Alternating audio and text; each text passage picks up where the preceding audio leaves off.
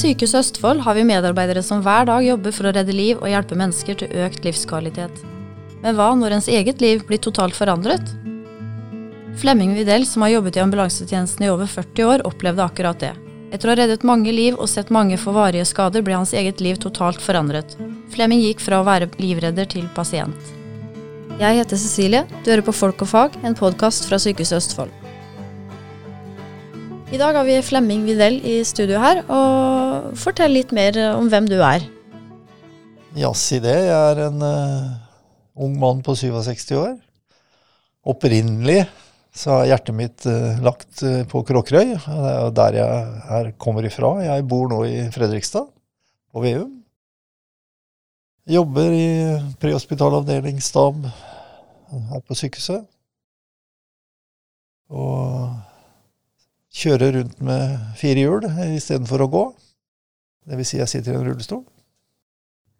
Du har lang fartstid og har en yrkeskarriere som strekker seg tilbake til 1979. Eh, eh, kan ikke du fortelle litt om det? Jo, i april 1979 så begynte jeg i noe som heter Falken redningskorps, som da hadde blandingstjeneste i Fredrikstad distrikt. Og det Deriblant ambulansetjeneste. Og der eh, var bakgrunnen min eh, egentlig maskinist.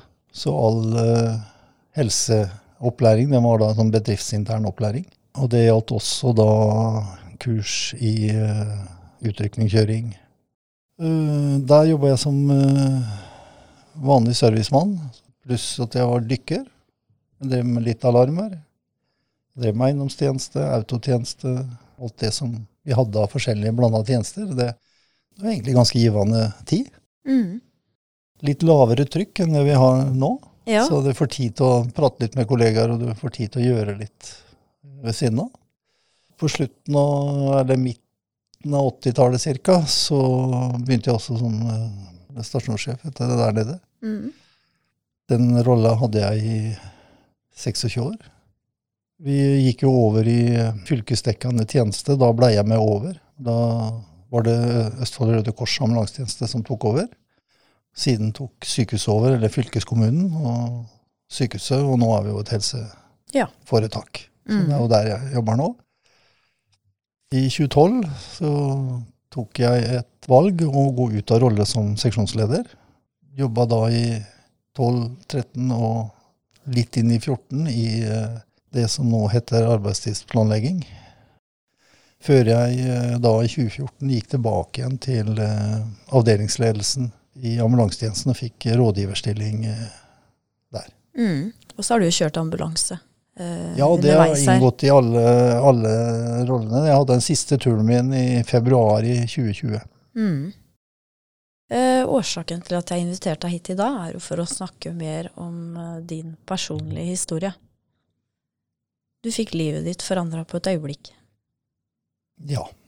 Det er utrolig hvor fort i går endrer seg. Det, jeg, ble, jeg, fikk et spørsmål fra naboen min om uh, jeg kunne hjelpe til med å ta ned et tre. Mm. Og det har jeg gjort mange ganger. Uh, dette her var 8. april, i, det vil si dagen før skjærtorsdagen i um, 2020. Jeg rigga meg til, jeg hadde avtalt med sønnen min for å komme og hjelpe meg. Jeg uh, tok med meg stige og motorsag og buesag og gikk ned til dette treet. Og planen min var å ikke klatre opp i det hele tatt, men uh, bare å skjære det ned var ikke så, så stort tre. Så jeg tenkte bare å legge det ned i veien, og så bråkkutte det opp i beter og trekke det ut. Uh, I og med at jeg var alene, så var det litt vanskelig, fordi det var en skarp sving på nedsiden av det treet. Og det ser ikke jeg hvis det kommer biler. Mm. Og, og, hvis jeg Eh, legger ned et tre, da kan jeg helt sikker på at da kommer en bil som jeg ikke får stoppa. Og jeg står på andre siden. Så enden på visa var at jeg klatra opp. Skulle henge opp tauet som vi skulle bruke til å dra ned treet. Tar med meg buesaga. og Når jeg først var der oppe, det er fire-fem meter høyt, øyehøyde er regna ca. fem meter, så tenkte jeg kan jeg ta noen grener. Og det gjorde jeg. Skar ned grenene, og det gikk jo fint, det. Og så kom jo generaltabba. Jeg laga ikke bryteskår på toppen. Jeg skulle ta den med samme jeg var der. Og enden på visa er at når toppen begynte å falle, så falt den jo fra meg. Men han kom jo tilbake igjen som en feiekost, for den røk jo ikke. Han brøt ikke. Så han uh, hang jo fast. Feia meg ut i lufta og på ryggen ned i en haug med sprengsten. Fire-fem meter nede. Rakk du å registrere hva som jeg, skjedde? Jeg, rakk, jeg, har, jeg, husker at uh, toppen kom. Men uh, jeg husker Jeg har ingen bilder fra det som skjedde på stedet der på et par dager. Det har jeg ikke. Var det lenge før uh, noen oppdaga hva som hadde Nei, da, skjedd? Nei da, det var to naboer, en overfor og en nedenfor. For de var jo interessert i å stå og så på dette greiene her. da. Og, så de kom jo stormende med en gang. Og så kom sønnen min omtrent samtidig som også jobba i ambulansetjenesten på det tidspunktet. Og Hva som skjedde etterpå da, det har du blitt uh, gjenfortalt og fått hjelp til å huske, eller er det ja, riktig? Ja, for uh, jeg sa at jeg husker ingenting, sa jeg til han, og spesielt han Mats, sønnen min, som jeg prata med. da. Han, um, jeg, jeg, sa jeg husker ikke noen ting, jeg kan ikke, jeg kan ikke ha vært våken. Jo, sånn, du prata med oss. Men så fikk jeg gjenfortalt hva jeg skulle ha sagt og sånn. Mm. Og, og, og, da husa jeg det når hun sa det. Men jeg har fortsatt ikke noe eget bilde av det. Ingenting. For jeg våkna egentlig ikke før et par dager etterpå på Ullevål. Ja. Og imellom der så hadde du vært innom Ja, altså, ble, Det ble jo tilkalt ambulanse som ja. kom og henta meg. Uh, de kjørte meg til Kalnes. Og dette var jo midt i koronatida, så verken sønnen min, uh, dattera mi eller hun jeg bor sammen med, fikk lov til å komme inn på akuttmottaket. De fikk ikke lov til å de hørte, hørte, heller ikke hvordan det gikk med meg, før hun fikk beskjed om at jeg skulle til Oslo, til mm. Ullevål, på kvelden. Jeg falt jo ned sånn mellom rundt klokka ett, tolv-ett. Ja. Og på kvelden så ble jeg kjørt inn, og så ble jeg operert hele natta på Ullevål. Hva slags skader fikk du? Jeg eh, fikk brudd i ryggen. Uh, i, mens jeg TO12 til L4, dvs. Si sånn ca. rundt korsryggsområdet. Så jeg har en lav, lav skade som har veldig mye for hvordan si, tilbakeføringa skal være. Den påvirker veldig hvordan skaden slår ut, hvor mye lam du blir og sånn. Mm. I tillegg så har det et, en, en skallebasisfraktur som, eh, det vil si at det er jo eh, bånd av hodeskallen. Den var sprekt, eh, men han ble sittende på plass. Det medførte at jeg mista smak og lukt. Kom det tilbake? Det er delvis kommet tilbake. Ja. ja. Mm. Det, men du fortalte jo nå at du våkna jo på Ullevål først noen dager etterpå. Hva husker du fra det? Nei, den turen ifra mm, sikkert all medisineringa som har foregått mens jeg ble operert og, og sånn, jeg, jeg, opplevde at jeg levde i en sånn Matrix-film med si, datastyrt tilkobling til huet. Eh, men det rare var jo at når jeg våkna første gangen, så var det aldri tvil om at jeg ikke gikk. At ikke jeg kunne gå på bena. Hodet mitt visste det. Men jeg hadde aldri noe, aldri noe samtale med noen om det. Det bare var sånn. Hvorfor tror du Jeg vet ikke. altså Som sagt, jeg var mye borte. Jeg var mye rusa pga. medisiner og, og, sånne ting. Så det kan ha vært noen samtaler her som ikke ja. er lagra seg, som jeg ikke husker. Mm.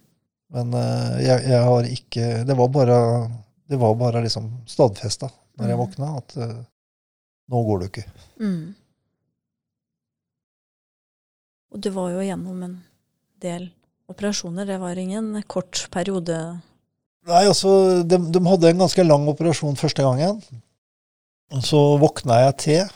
Eh, så kommer han eh, ortopeden og sier at de må operere meg en gang til. Fordi de skulle sette inn noe som kalles et bur. Det er sånn, vi har jo sånn bruskdemping mellom eh, ryggsøylene mellom knoklene. Og de skulle sette inn en sånn forsterkning på det. da. Men for å gjøre det så måtte de kollapse den ene lunga mi. Så derfor ville de snakke med meg først. Mm. Og når vi gjorde det, så var det greit. Og etter den operasjonen så kom det en uh, kardiolog og sier at uh, du må få pacemaker. Så da fikk jeg pacemaker. Ja. Så det rasa på. Ja. Var du noen gang redd? Nei. Aldri.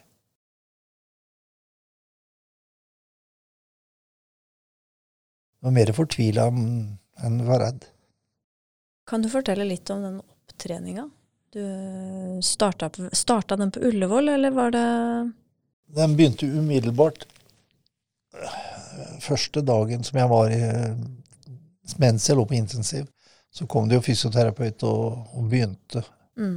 med forsiktig trening, forsiktig øvelser som jeg skulle gjøre. Og de var der hver dag så lenge jeg lå på Ullevål. Når jeg da etter hvert blei flytta til Sunnaas sykehus for videre behandling, så var jo Der var det fokus på trening. Mye, mer, mye mer fokus på trening. Det var ca. en måneds tid halvannen etter. Når kom du til Sunnaas? I slutten av mai Mm. flytta jeg over dit. Og, og det som de hadde mye fokus på, det var eh, mestring av hverdagen. Og så tilbakeføring, trening. Mm. Det var en naturlig del.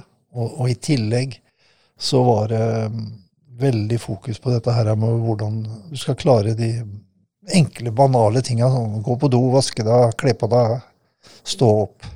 Sånne ting.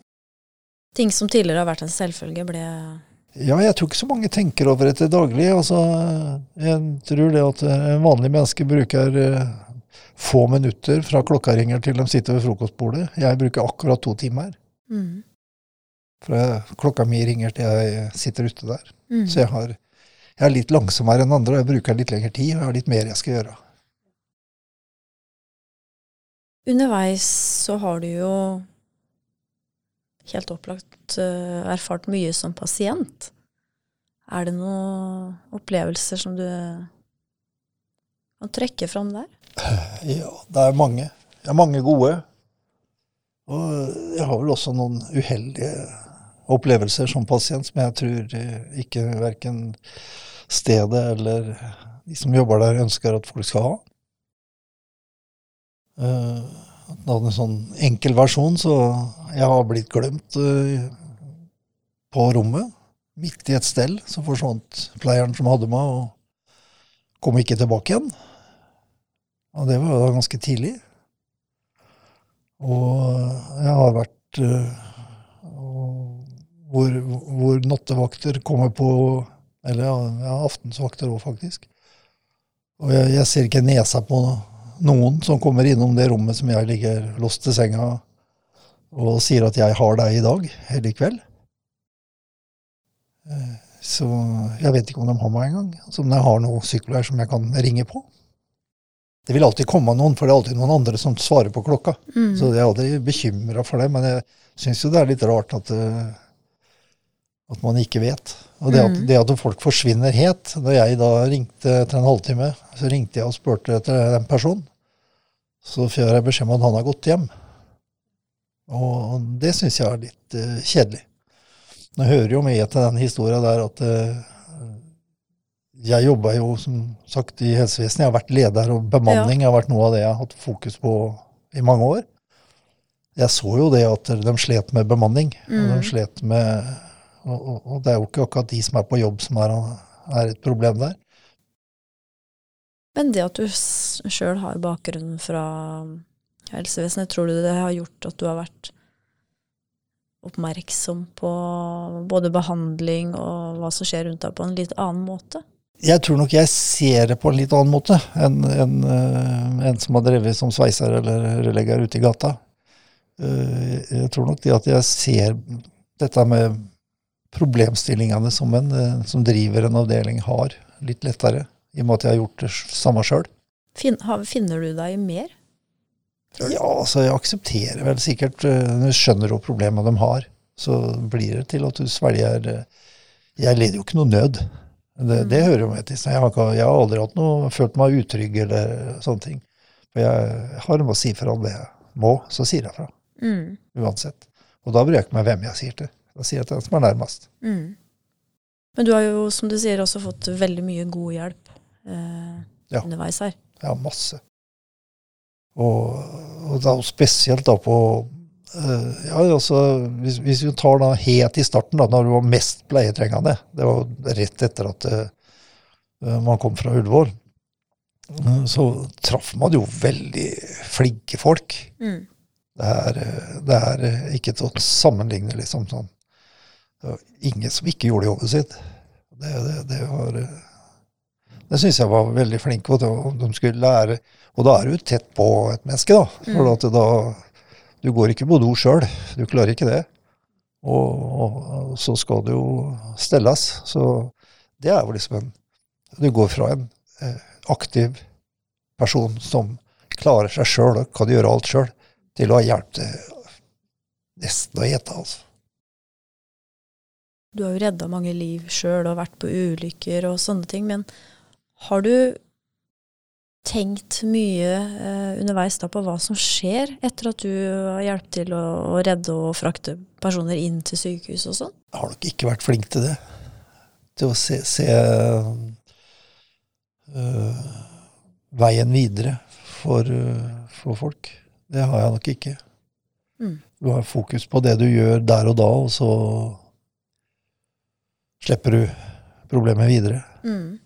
Så det har, det har vært mer tanke i den gata der etter at jeg havna i stolen. Ja. Ja. Og hvordan var det å komme hjem? Ja, det var mye forberedelse før jeg kom hjem.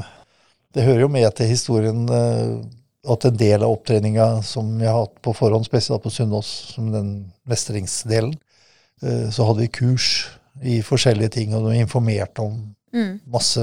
Og så var det noe som heter brukerkontakt, dvs. Si det er folk som har sittet i rullestol i, i mange år, og som du kunne snakke med, og du fikk opplæring og, og sånne ting. Så noe forberedt var jeg. Ja, Men når var det du kom hjem første gang etter ulykka? Jeg eh, kom hjem i eh, slutten av september i 20. Da var huset litt endra? Det som var endra da, det, og det hadde jeg jo delvis vært med på, da, eh, sånn på sånn fjernstyring, badet var gjort om. Eh, Jeg hadde fått en heis på utsida, for var, jeg måtte opp ca. en meter og ti for å komme inn døra. Eh, Og, eh, og dette, her var, dette her er jo et hus hvor si, hobbyene mine, vaskemaskin, matlager, fryseboks og, og sånn står i underetasjen. Hjemmekontoret mitt er i andre etasjen, og jeg var i første. Jeg kommer ikke opp trappa, det gjør jeg ikke i dag heller. Og jeg kommer ikke ned trappa. Jeg sier ned kommer jeg jo, men eh, det er ikke sånn enkelt. Nei. Men hvordan var det når du skulle hjem første gangen? Gleda du deg? Da hadde jeg vært på sykehus i over et halvt år. Da var du lei av institusjon. Mm. For jeg hadde jo, etter at jeg var på Sunnaas, så var jeg jo på Kattesenteret i syv uker. Mm. Og fikk jo voldsomt Jeg skulle egentlig bare være der i fire. Men pga. at ting ikke var ferdig hjemme, så fikk jeg lov, og fikk jeg én og én uke. Mm. Så det blei syv uker. Eh, For ellers hadde hadde ikke jeg hatt noe alternativ. Jeg hadde ikke kommet inn Nei. eh, hjemme. Da er det vel gamlehjem som er kommunens tilbud. Men hvordan var det å komme hjem? Det var deilig. Eh, På mange måter så var det deilig, men, men da begynner hverdagen. Da må du begynne helt på nytt igjen å tenke. Du må tilrettelegge, du må prøve og feile. eh, Alt. Mm. Vi bytta noen dører og litt sånn for å få det til. Og så eh, Jeg hadde én rullestol. Ute i gården så var det subhus. Ja. Det gjorde det at vi hadde sand over hele huset. Eller i hvert fall i Mm. første etasjen. Mm. Til jeg fikk eh, en innestol som jeg kan bruke. Det er en sånn såkalt ståstol som jeg kan reise meg opp i stående stilling. Mm. Elektrisk. Eh, også bare løftinga er elektrisk. Eh, en vanlig rulle, rullestol ellers. Eh, den bruker jeg inn i dag, og da, det bytter jeg hver dag når jeg skal ut og inn av døra hjemme. Så bytter jeg stol. Ja. Det blir jo nesten som jeg er her på jobben, for her er en elektrisk en. Ja. Så bytter jeg til den hver gang jeg kommer på jobben. Apropos jobb, du var jo raskt tilbake der og du.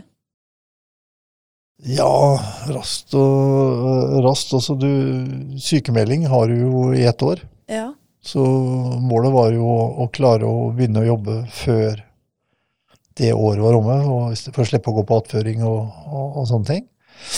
Sånn at uh, i januar, tidlig januar i uh, 21 så begynte jeg med vanlig jobb. Og øka på med 20% sånn framover. Til 1. mars begynte jeg i 100. Så nå har jeg 100% stilling. Mm. Og da kom du tilbake til de samme arbeidsoppgavene du hadde hatt før ulykka? Ja, pluss noen nye. Fordi at det var en kollega som pensjonerte seg også akkurat i den tida her. Ja. Så jeg fikk en del av det. Da er du rådgiver i prehospital ja, avdeling? Sitter, sitter i avdelingsledelsen i staben der. Hvordan var det å møte igjen kollegaene sine, da? Det var begge deler. Eh, jeg har Jeg tror jeg har Jeg tenkte på det til morgenen da. Jeg har eh, hele spekteret fra folk jeg forventa kanskje kom til å kontakte meg, som jeg ennå ikke har gjort det, til eh, en masse folk som jeg ikke venta kom til å kontakte meg, som har gjort det. Så det, det var en veldig blanding. Så har vi jo det, det her med det, det menneskelige omsorgsmåten, da. Eh, når du havner i en rullestol og blir litt eh, handikappa, så uh, Folk har veldig lett for å hjelpe deg. Folk har veldig lett for å åpne dører og gjøre en del ting. Var du sjøl det før ulykke? Nei, jeg, jeg, jeg, tror ikke jeg var så flink med det. Men jeg hadde liksom ikke sånne personer rundt meg heller, da. Så det var folk som stort sett klarte seg sjøl. Uh, det er veldig hyggelig å, å se eh, hvordan folk reagerer. Jeg syns det har vært en veldig, veldig fin, fin, tid. Jeg møtte masse flotte kollegaer, og kollegaer som jeg bare har hatt perifert kontakt med, som har vært veldig hyggelige. Mm. Så jeg har ikke noe negativt uh, med det å komme tilbake. Så må jeg jo berømme sjefen min, da. Og det er ikke tror hverdagen hadde vært annerledes hvis, hvis ikke hun hadde stilt opp så mm. mye. Mm. Jobben er viktig for deg? Ja. Mm. Jeg er 67. Kunne pensjonert meg. Har valgt å prøve å jobbe til jeg er 70. Det har vært målet mitt i, i mange, mange år. Mm. Så eh, får vi se om vi klarer. Jeg tror, jeg tror jeg skal klare det. Det er, mm. Det er under to år igjen, eller under tre år igjen, så det, jeg, tror, jeg, tror, det går bra. Det å sitte i rullestol, hva gjør det med deg som menneske? Det gjør veldig mye med de omgivelsene mine. Eh, fordi at jeg føler ikke at du blir sett på som helt den samme. Det er litt sånn utforbakke å, å gå ifra en som kunne ta seg en løpetur i skogen, til, eh, til eh, en som sitter fastlåst i en stol. Det nærmeste jeg kommer, er at jeg kan pigge meg en tur. Mm. Og pigge, da mener du med sånn Da er det sånne staver? skistaver med asfaltpigger på, og også et hjul foran på stolen, som gjør at jeg kan, eh, kan pigge litt og få litt fart. Mm. Og det må jo da stort sett være på asfalterte områder, da. Det, er, det går litt på sånn subusvei òg, men heller dårlig. Mm. Men det er fin trening. Det, for det er veldig, veldig, lite pulstrening du får når du sitter i en rullestol. Ja. Du, driver du med styrketrening, så blir det ikke på samme måten som, som du setter deg på en spinningsykkel. Men du trener hver eneste dag? Jeg trener stort sett to ganger om dagen. Det vil si på formiddagen så kjører jeg den uh, uh, litt sånn armer, skuldrer uh, for å holde det ved like. For jeg, jeg forflytta meg jo mye. Jeg belasta jo skuldre og armer veldig mye. Mm. Uh, ettermiddagen uh, så har jeg satt av til bentrening, eller gå, gåtrening. Da går jeg i en uh, såkalt prekestol. Og nå har jeg akkurat dobla, dobla, strekningen, så jeg kjenner det i bena. Mm. Men du bruker lang tid, fortalte du her i stad, på bare det å komme deg på jobb om morgenen. Hvordan, eh, hvordan er eh, dagsrytmen din? Ja, jeg eh, vanlig, vanlig hverdag hvor jeg ikke har vakt, så står jeg opp halv seks, ringer klokka. Da, da tar jeg kateter. Det gjør jeg to ganger i løpet av natta. En gang jeg våkner, og så en gang klokka to. Eh, Så driver jeg med noe som heter gjennombevegelse av bena. Det er, eh, da tar jeg ett og ett ben, og så gjør en del øvelser med dem. Den ti ganger på hvert ben.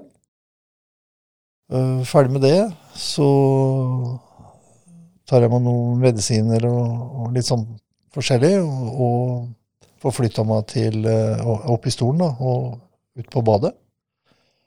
Og eh, der det driver jeg med noe som heter irrigasjon, eh, som jeg må gjøre for å få tømt tarmen. Det er en sånn gammeldags klyster, men i moderne versjon. Eh, og alt det her det tar ca. en time. Og så skal jeg dusje. Og så skal jeg tørke meg. Så skal jeg kle på meg. Og det er en utfordring i seg sjøl. Bare det å få tørka deg mens du sitter, og få på deg truse mens du sitter, det er en oppfordring. Test, eh, prøv det mens du er bløt på huden. Mm. For du vil ikke ha hjelp?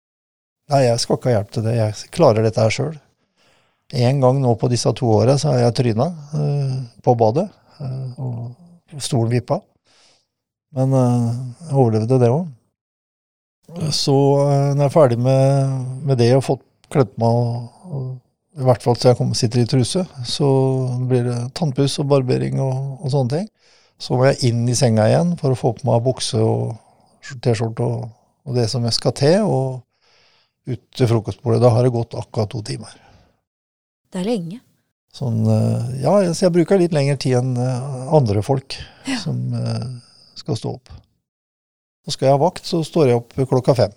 Da er jeg en halvtime tidligere. Mm. Og noe av det er fordi at når jeg har vakt, så begynner gjerne folk å ringe sånn i sjutida. Og da må jeg være ferdig. Mm. Så det, er de to timene jeg trenger for å Mm. bli ferdig. Så kommer du deg vei til jobb og har eh, Ja da. Jeg, eh, når jeg har spist frokost, jeg er gjerne med på det morgenmøtet som lederne har eh, for driftsmøtet på morgenen. Kvart på åtte. Det tar jeg hjemme mens jeg spiser frokost. Og så, mm, så kjører jeg den armtreninga mi mens jeg venter på taxi. For jeg har noe som heter arbeidsreiser. Så jeg blir henta med drosje eh, hver morgen, og henta med drosje her på jobben og kjørt hjem igjen etter arbeidsdagens slutt. mm. Og det er jo fint tiltak som vi har i Norge, som faktisk jeg syns fungerer helt utmerket. Mm. For det, Der styrer jeg sjøl og har en dialog med en egen uh, utøver som kjører Ja. meg hele tida. Så jeg vet når han kommer, og hvis han er forsinka, og vi har et tett forhold. Men når du kommer hjem, så er det middag, sier du, men du Da hjem så er det da Jeg, jeg sitter jo som regel i uniform når jeg er på jobben, så jeg eh, skifter da til hjemmeklær. Og så er det middag. Og når middagen er ferdig, så er det dagens gåtrening. Da, da skal jeg opp og gå i prekestolen. Og så har jeg litt sånn andre øvelser som etter jeg har satt meg i stresslessen, så jeg driver med noe sånn fotballtrening med noe strikk og noe Men når var det du greide å stå for første gang? Altså, eh, det er, er litt sånn eh, glidende tidspunkt, fordi at jeg hadde en fase etter at jeg kom hjem fra Cato-senteret første gang. Det var første høsten, ikke sant? Det var første høsten i 20, Mm. eh, i oktober der, hvor eh, jeg eh, brukte noe som heter ortoser. Og det er sånne skinner med knekk i kne, og gikk helt opp til hofta, og som en uh, joggesko i bånn. Den brukte jeg helt fram til uh, slutten av februar i 21.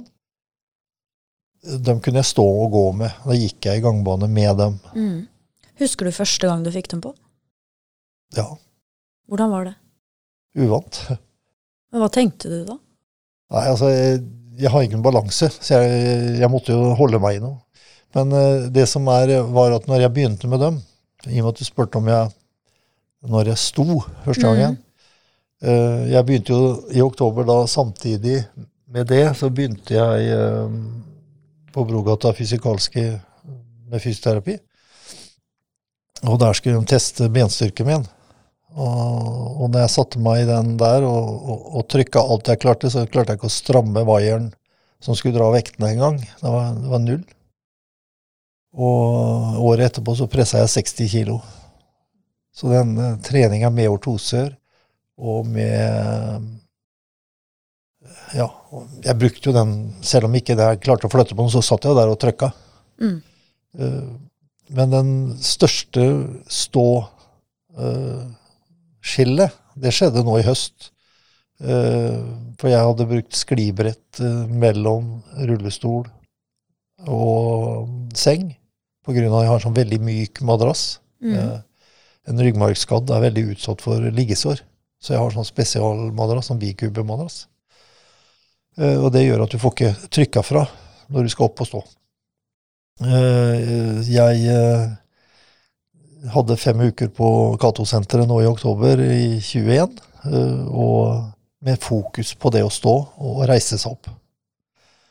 Og etter det så har ikke jeg eh, brukt sklibrett, og jeg, jeg reiser meg opp, står og flytter meg. Og da, da har jeg ikke den prekestolen, da, da bare holder jeg meg i en inventar, og så i, en, i stolen bare støer meg så ikke jeg Mm. hvelver. Jeg har ikke noe balanse, så jeg hvelver. Men hvordan er, hvor henter du vilje og styrke fra? Eh, Nei, Det må være ei svær lommebok. Jeg vet ikke hvor jeg stjeler den. nei. Det bare er sånn. Men du har liksom, du har liksom ikke så veldig mange valg, da. Eh, Det er, eh, det er de eh, to valga, som jeg sier, som Jeg kan velge å sitte ned og ikke trene og ikke gjøre og ikke yte noe innsats sjøl. Mm. Eller så kan jeg jobbe med et mål. Og jeg har satt meg mål. Eh, Det mest hårete målet jeg har, det er å ut og løpe. Det mest realistiske målet jeg har, det er å prøve å komme opp på krykker. Mm. Så der er jeg ikke ennå, så da er det bare å trene. Mm. Så jeg prøver å, å, å komme til, men det, det er jo nå straks Nå er det jo to år, da. Og eh, så er det da at eh, det het seg, i hvert fall før, at den nevrologiske utviklinga etter en sånn skade, altså nervereparasjon, eh, som kroppen gjør, den eh, er best de to første åra. Ja. Så flater det ut. Nå er det vel signal som sier at de regner det fem år.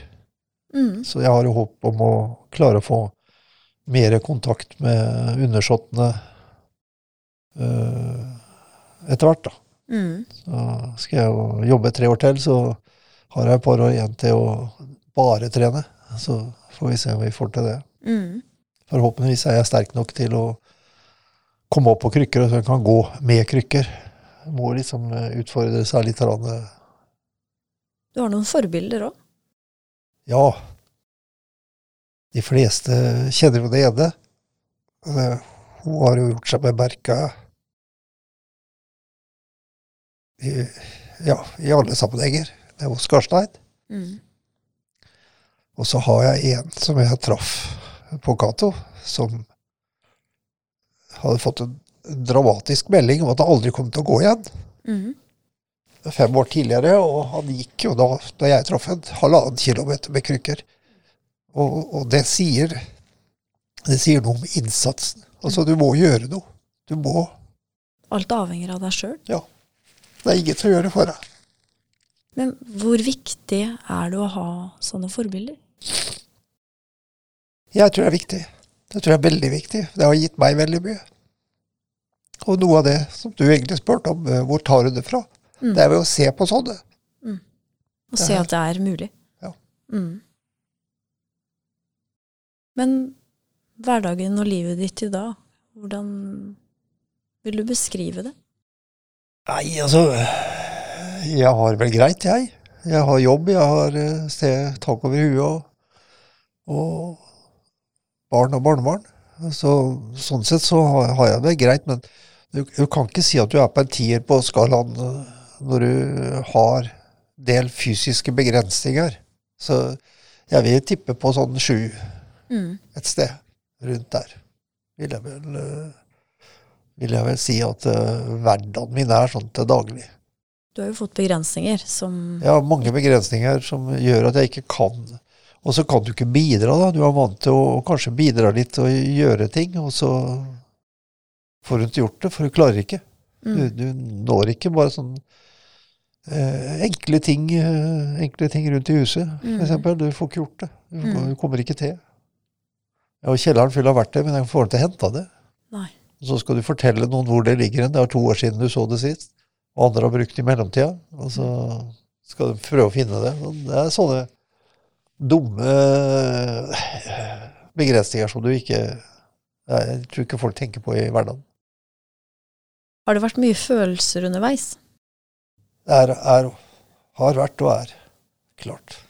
Helt klart. Det med utilstrekkelighet er jo en, eh, er jo en eh, farlig følelse. Den, den fører fort over i mørke, mørke kroker.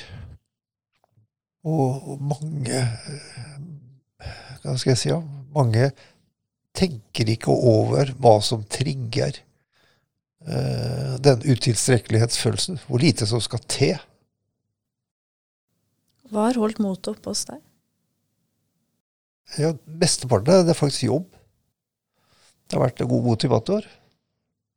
Det å ha, ha en jobb, det å ha, klare å gjøre noe. Og unger, selvfølgelig, og barnebarn og sånn. Syns du du klarer deg bra i hverdagen? Jeg øh, klarer meg skapelig. Øh, jeg gjør det. Jeg øh, kan være hjemme alene. Jeg Jeg kler på meg sjøl, jeg går på do sjøl. Jeg får ikke vaska tøyet mitt sjøl, fordi at det er øh, maskinen er i en annen etasje. Hadde jeg hatt den oppe, så hadde jeg klart det òg. For når jeg var på Cato, så gjorde, måtte jeg gjøre det sjøl Mm. mens jeg var der. Uh, ja, jeg gjør jobben min. Jeg har den samme jobben. Jeg, jeg pleier å si det sånn at uh, det er jo bena mine det er noe feil med, det er ikke huet. Men eh, det er i hvert fall ikke noe verre enn det var før jeg datt. Følelsen av at det er trent samme nivå. Jeg føler i at jeg kan hjelpe til med, med ting. Jeg, jeg føler glede av med det, og jeg har, fyller hverdagen min med jobb, og det er litt viktig. Mm. Fordi at å sette seg til, det er, det er noe av den der andre valget. Det å sette seg til hjemme. Det, er, det krever veldig mye motivasjon hvis du skal klare å holde aktivitetsnivået. For én ting er jo å trene fysisk, men du skal trene mentalt òg. Du skal trene, og det får jeg gjøre ved å jobbe og, og drive med de tingene jeg driver og pusler med. Så får jo jeg brukt huet.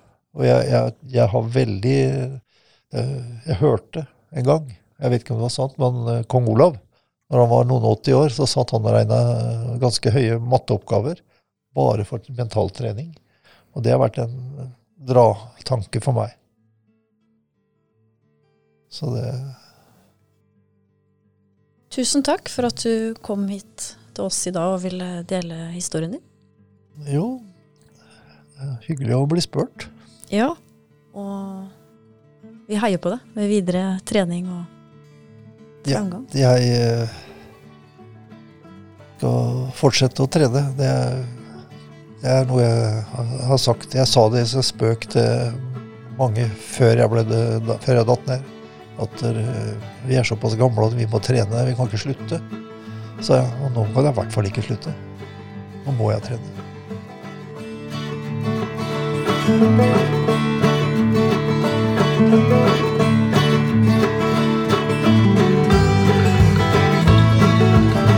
Tusen takk for at du var med oss. Du hørte en episode av Sykehuset Østfolds podkast Folk og fag. Vil du høre mer, finner du oss på Spotify, Apple Podkast og andre steder med podkast. Tips gjerne en venn, eller gi oss en tilbakemelding på podkasten vår. Takk for at du hørte på.